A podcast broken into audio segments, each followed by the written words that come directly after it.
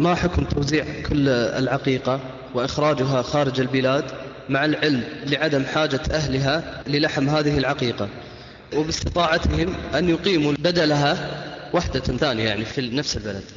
بالمناسبة لهذا السؤال أود أن أبين للإخوة الحاضرين والسامعين أنه ليس المقصود من ذبح النسك سواء كان عقيقة أم هديا أم أضحية اللحم أو الانتفاع باللحم. الانتفاع باللحم يأتي أمرا ثانويا.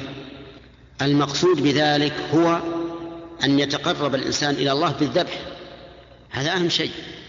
أما اللحم فقد قال الله تعالى لن ينال الله لحومها ولا دماؤها ولكن يناله التقوى منكم.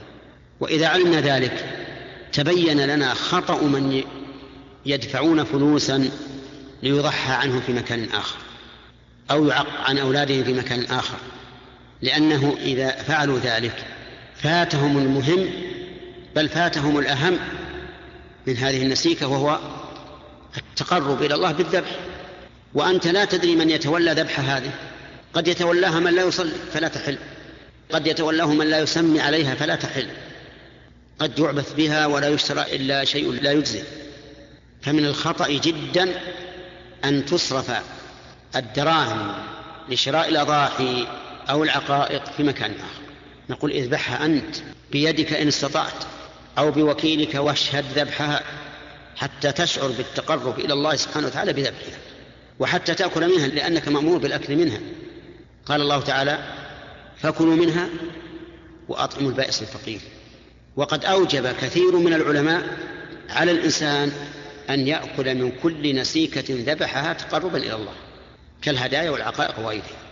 فهل ستأكل منها وهي في محل بعيد؟ لا. وإذا كنت تريد أن تنفع إخوانك في مكان بعيد فابعث بالدراهم إليهم. ابعث بالثياب إليهم. ابعث بالطعام إليهم.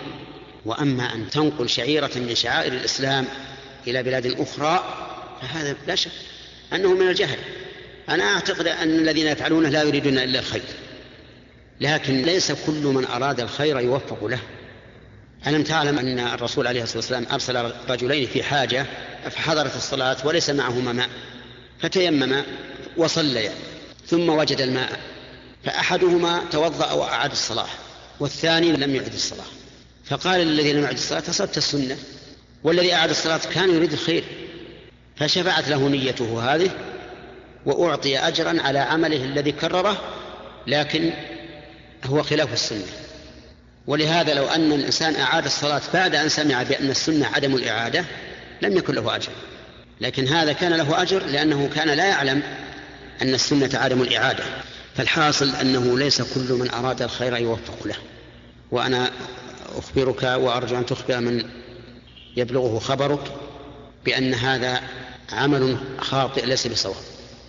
نعم لو فرض أنه دار الأمر بين أن تعق أو تنجي أناسا من المجاعة المهلكة وهم مسلمون وأردت أن تأخذ دراهم العقيقة وترسلها. لكنا نقول لعل هذا أفضل لأن هذا إنقاذ المسلمين من الهلاك أوجب من العقيقة. لكن لا ترسل دراهم على أنها تكون عقيقة.